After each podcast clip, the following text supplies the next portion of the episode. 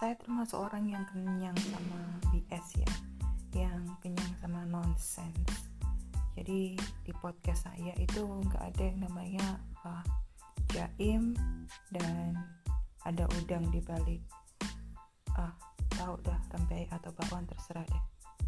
Uh, saya paling nggak suka yang begitu begitu dan saya ini tipe orang yang tidak suka basa-basi straightforward very straightforward. Dan saya lakukan apa yang saya katakan itu ciri saya. Enggak enggak iya iya. Dan satu lagi saya tidak akan berkutat dan berargumentasi dengan namanya kebodohan. Pasti saya tinggal